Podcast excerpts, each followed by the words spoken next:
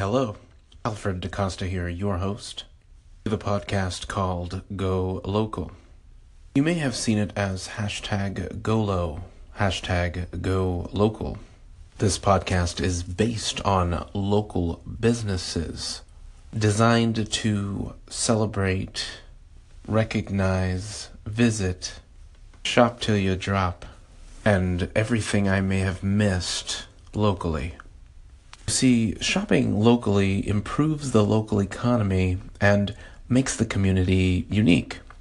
It personalizes services and makes it feel like the good old days, like the milkman and the paper boy and evening TV. Wait a minute. Whatever happened to predictability? The milkman, the paper boy, TV. Do you, go low? If you do, I encourage you to call into the show and share with us. Today's adventure finds us in the state of Nebraska, more specifically in the city of Lincoln, Nebraska, and even more specifically at College View. I started at the mill where I grabbed myself a tall soy vanilla latte with an extra shot of espresso. I began to saunter casually down the strip on the sidewalk. When you slow down from all of the hustle and the bustle, you begin to recognize things that you never noticed before. I began to see several shops, and as I entered into some of these hidden gems, I began to get to know some of the people that make this side of town so awesome. I was even able to interview one of the young ladies right there on the spot from my iPhone at the Paper Kite. After dropping off several of my cards in the area, I received a couple of emails back. Coming up next is the first response to a series of emails I sent out in the area. This phone interview was captured while she was on her way to do what she does best business.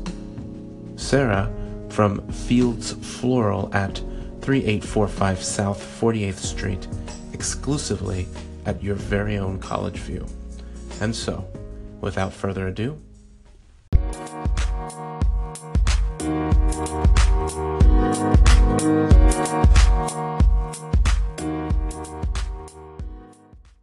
Hi. Hi, it's Alfred DaCosta. How are you doing this morning? I'm good. How are you? You know, I'm doing okay. I just uh, got out of class and uh, I got a little free time, and I'm excited for this opportunity to uh, to talk with you. Well, thank you. Um, I I don't know what kind of questions you're going to shoot at me, but I'm I'm open to anything. I'm an open book, so shoot ahead. Oh, that's great. I appreciate that. Okay. I can't begin to explain how exciting it was to connect with Sarah. In fact, I have the privilege of the opportunity to be able to sit down with her this Thursday. She was willing to negotiate with me, and we came to the compromise of having a coffee at the mill.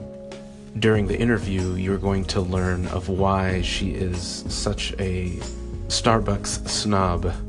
We're meeting because while this interview gives you all the tip of the iceberg, there is so much more, so many interesting things that we started to talk about, but time would not allow. Sarah is a natural networker by nature. My objective is simply to connect with people like Sarah and to partner in one way or another. After hearing this interview, you too will agree that if you've got Sarah on your team, well, you're in pretty good shape. Coming up next, Sarah tells us a little bit about herself and something that I just had to Google. Okay, so I'd like to know a little bit more about you. So why don't we start with the formality of who it is I have the privilege of speaking with this wonderful Thursday morning? Well, uh, first of all, thank you for having me. I, I was pretty tickled that you reached out. Uh, my name is Sarah Reyes Sedman, and um, I'm the new owner of Fields Floral.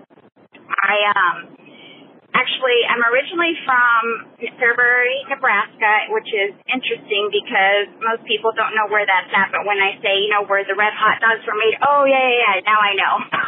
so, uh, okay, before we continue on, totally Googled it and I found a short clip. Check it out. Hi, Jerry, Jerry's Hometown Meats at Brady's, and I'd like to talk to you about a couple of the brands that we carry.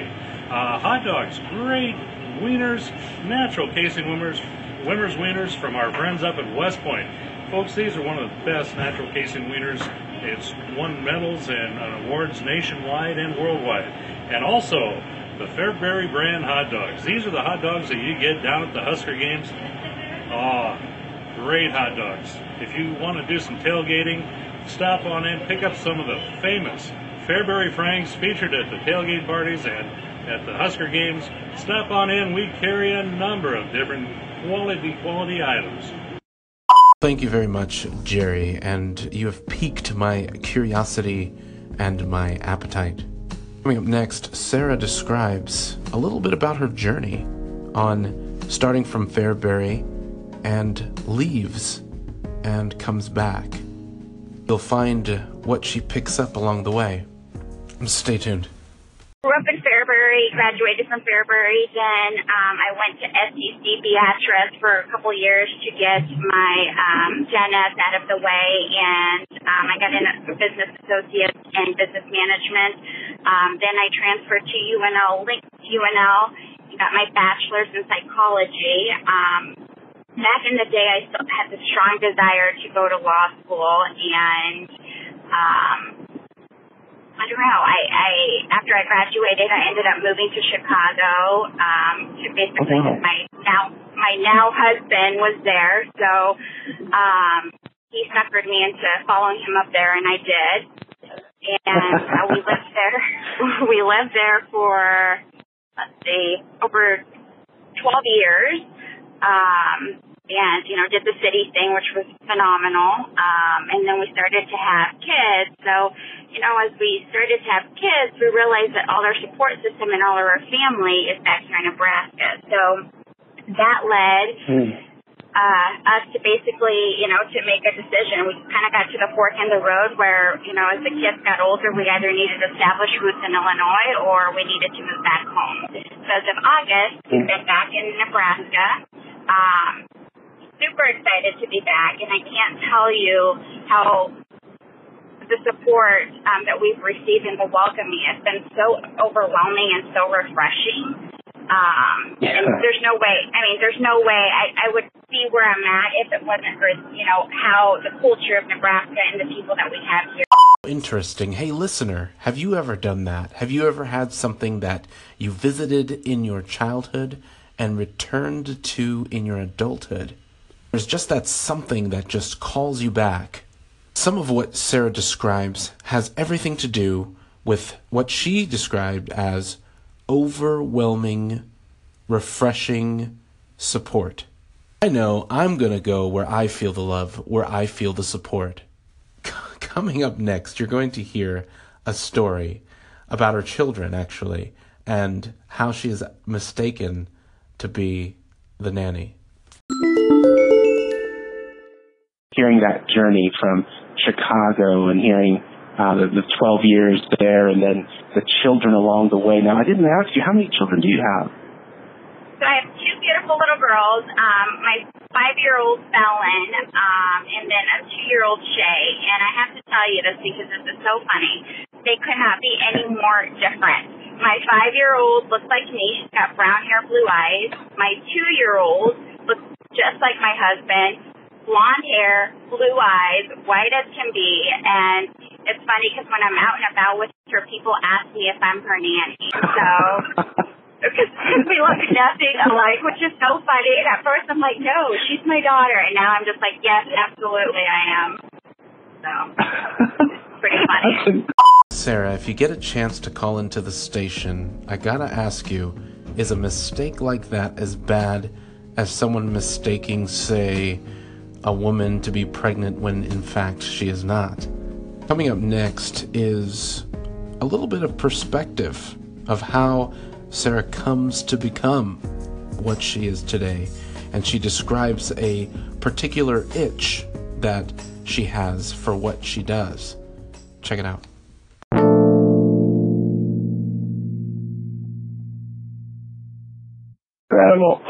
You know, Sarah, one, one of the things I wanted to ask you here is, you know, this business perspective. I mean, uh, did you ever imagine that you would go into business? I mean, what does it take to become? I mean, does it, do you have to like eat certain like, I don't know, Wheaties for breakfast every, I mean, what is it, I guess, how did you arrive at business and then what does it take to do this thing?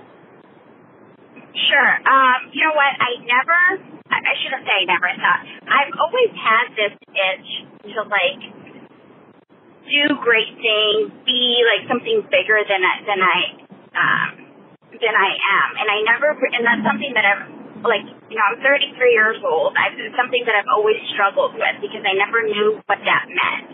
And, um, when I moved to Chicago and I got into, I worked for a huge law firm and I did business development and I got to see the business end and I loved it. However, as I worked in that field, I recognized that I didn't like uh, how the corporate environment chased money. I loved the work, but I just, I wasn't about the money for me. So Whoa, whoa, wait a minute here. You don't like money? Isn't that what all of us business people are feverishly clawing at? Isn't that the ultimate goal of any and everything? Is your main objective Mr. or Mrs. Business Person? That's actually a subject for another show on another day. Let's continue with the interview. um, that kind of put a sour taste in my mouth in regards to like pursuing law because if I did do that, I would want to do um, like public sector, which is not where which is not where the money is basically. Um, but it's good work. Um, so then I got pregnant and I decided to take a break and be a stay-at-home mom. Well, let me tell you, that lasted like eight months, and then I, I am like, I need to get out of the house. So. Um, my husband is like, oh my gosh, you, you're, you know, you can't make up your mind. I'm like, no, I need to get back to work. That, that's what like keeps me sane. It gets my mind going, and I just have a lot of energy. And so I found this job with a small private equity firm, and basically I had to tell you the story because this is how kind of it started everything for me. The gentleman that I worked for was an ex-trader in downtown Chicago back in the day where you know, they were smoking cigars and drinking on the floor, and basically he did so well that um, he decided to start investing in small startups. And at the time when I joined him, he had gone into an ethanol plant, and basically this ethanol plant uh, focused on renewable fuels, and it um, became like the highest producing ethanol plant in the country. And he was looking into investing in small startups, and then this um, gentleman walked in, and he had pitched to him a, a, a business plan about doing um, a local food distribution center. And um, so we did that. That took off, and that one business is now has like five different entities coming out of it. So it's such a cool plan. Um, and Wow. then another project that we like just started was um, a tomato greenhouse.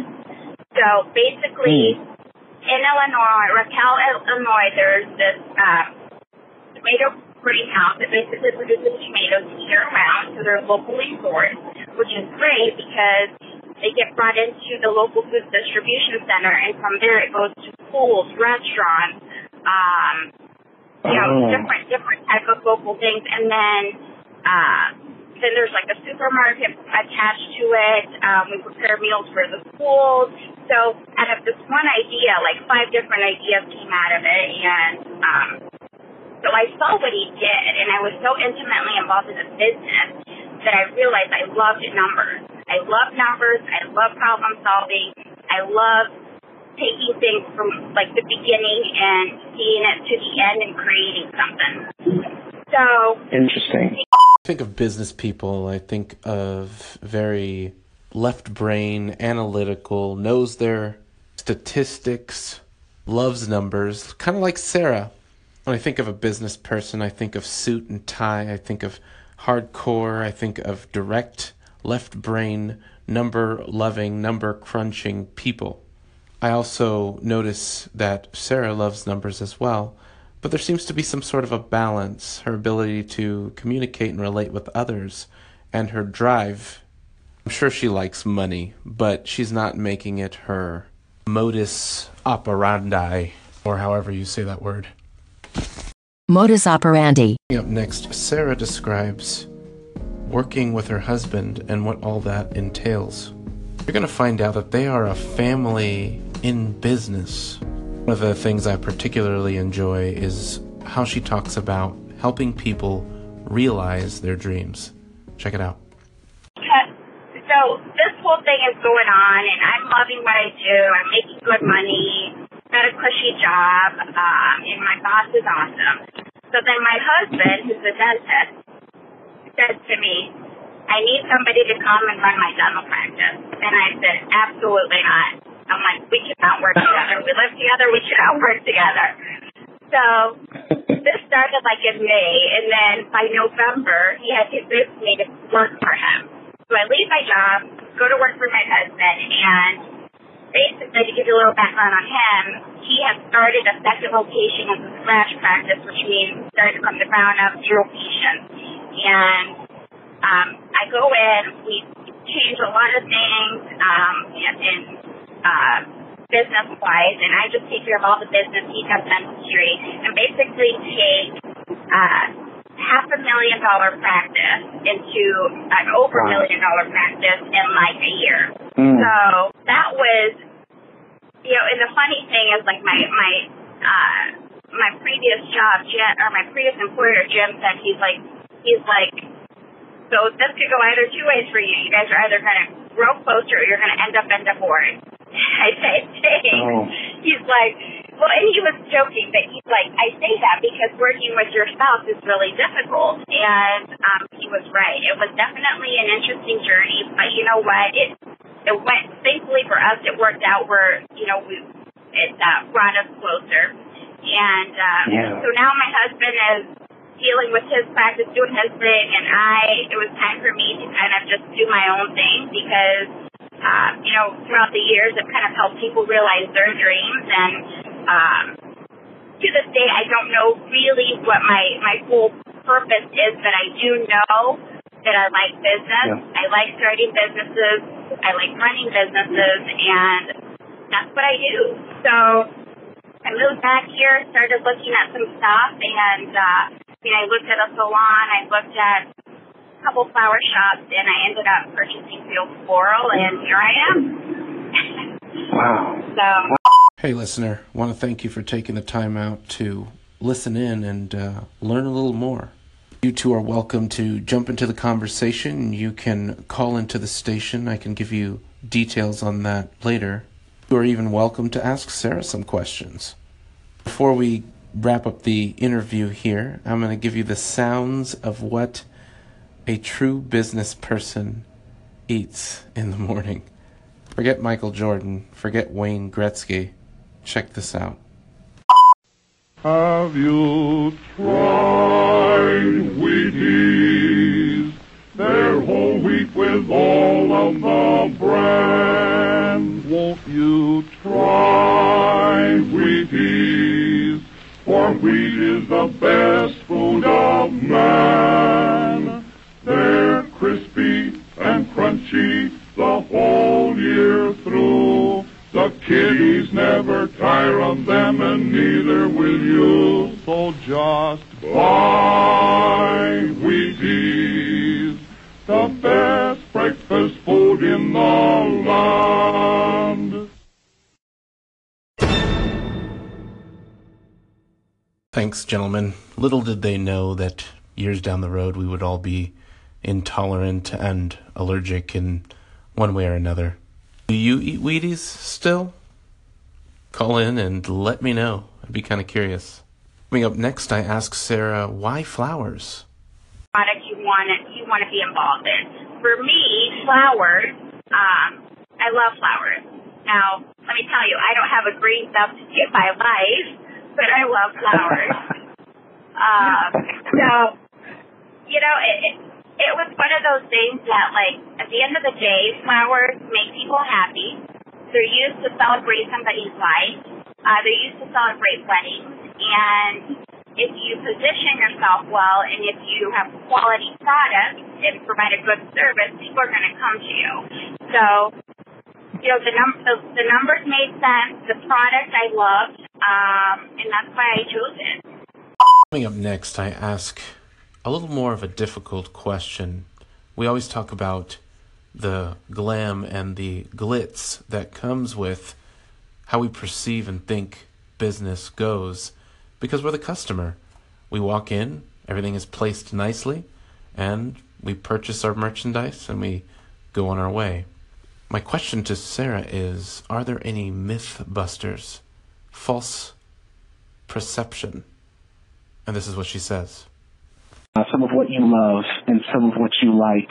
And I'm kind of curious about if there are any, say, myth busters about being a business owner or, you know, I, I know that everybody these days, you know, you can just get online and say, I own a business, you know, but it's, it's, and which is true in, in many regards, but I know that when you have like a, brick and mortar and you've got a building and, and possibly even more than one location if I'm not mistaken. Um, you know, what is that um, are there any myths about business um, that um, maybe um, preconceptions that people are are under? Absolutely. Um, I think the biggest thing is that people assume that just because you own a business, that money's always coming in. And the, the biggest thing is like there's a lot of hours, there's a lot of stress that goes with being a business owner. The, now, the, the deciding factor whether you're going to make it or not is stress into something productive. For example, like I always have to worry, you know, are we making enough to, to make payroll, to pay the rent, to pay our, you know, our um, cost of goods sold? Like, you know, those are things that we have to think about as opposed to somebody who is just interested in working somewhere because they just want to have a paycheck. So, Right. um, you know, there's, and there's, you know, there's a work-life balance. Like, I, when I look at, you know, when I, at the end of the day, when I look at the type of person that I am, you know, I could work 40 hours a week for somebody else, but I also know the caliber of person and the employee that I, that I would be. So I'd rather take those 40 hours or 100 hours and invest it into something that belongs to me. Mm. So you Mm. got to look at that. I, you know, do you want to put in 40 hours for yourself, or do you want to put 40 hours for somebody else? Um, and you got to be able to take the good and the bad that comes along with Uh-huh. it.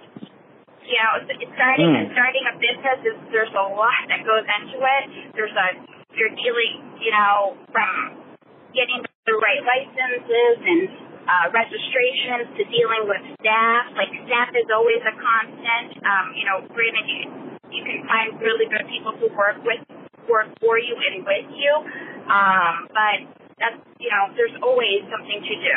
So if you can turn the negatives and look at them in a positive way, then you're good. And again, honestly, at the end of the day, you're just a problem solver. You're constantly solving problems and putting the right puzzle pieces together. And if you, you can do that, you can do this. Coming up next, I had to give a shout out to Sarah for the condition of her store. When I say condition, it could be a store that was just built yesterday or it could have been there for centuries. Condition is interpreted to me by the way one is received when they come through that front door. Person coming through the door, even though they may not be the candidate you had in mind, should still receive some sort of a warm welcome definitely got that when I was there. And I want to give a shout out to Chris and also an apology for not remembering your name. I had it written down.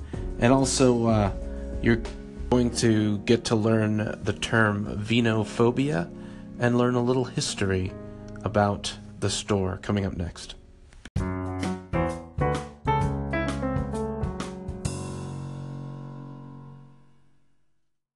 license and registration and even staff. I'm trying to remember um, who was it I talked to when I came into your store at the front desk. Um, uh, was Maybe was it, Betty or uh. What was the first name?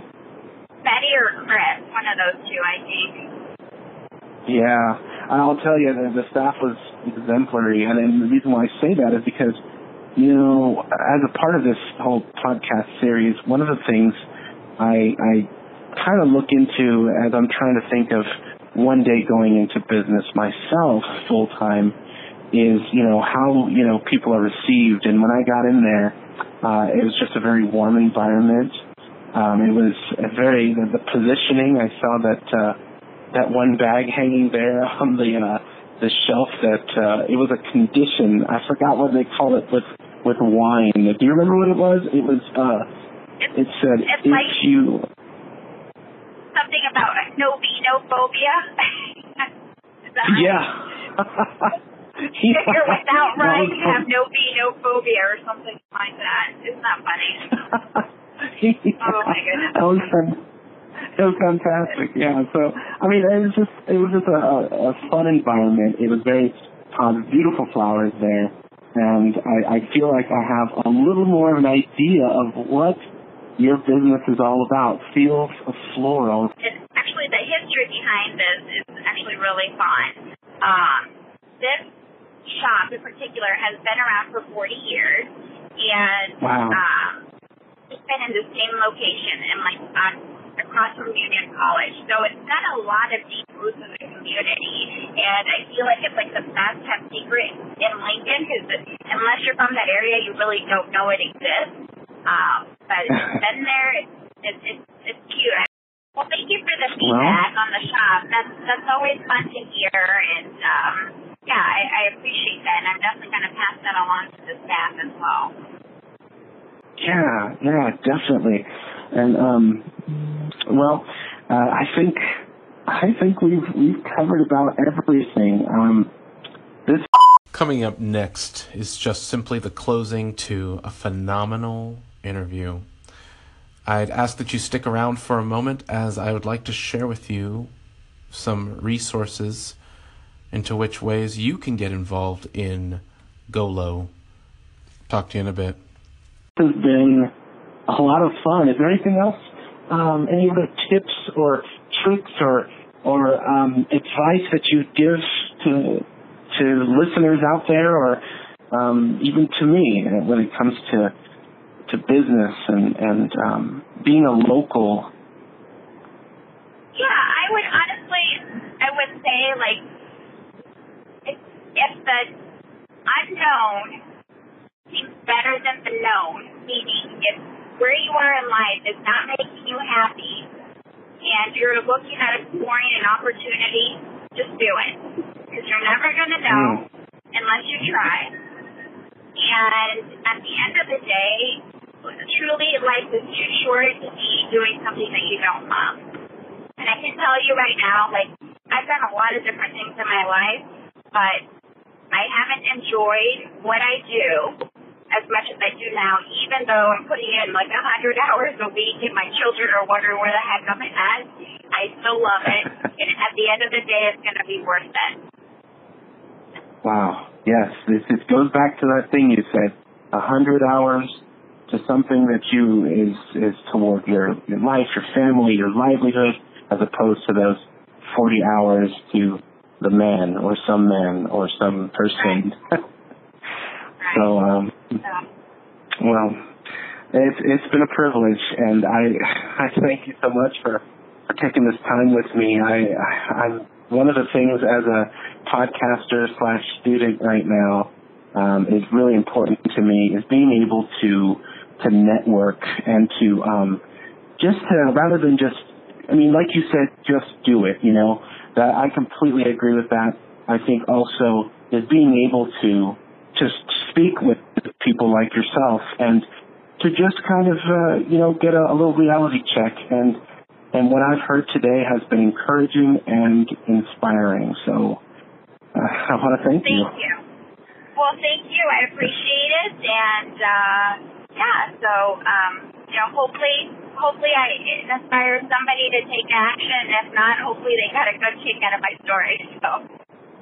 Yeah, definitely, definitely. Well, Sarah, without further ado, I know that you're probably on your way to your next appointment, and uh, I thank you so much. All right, thanks, Alfred. Take care. All right, I'll talk to you soon. Bye. Bye-bye. Well, friends, what did you think? Pretty interesting lady, I must say. It is now time for the call to action. You business people know about that sort of thing.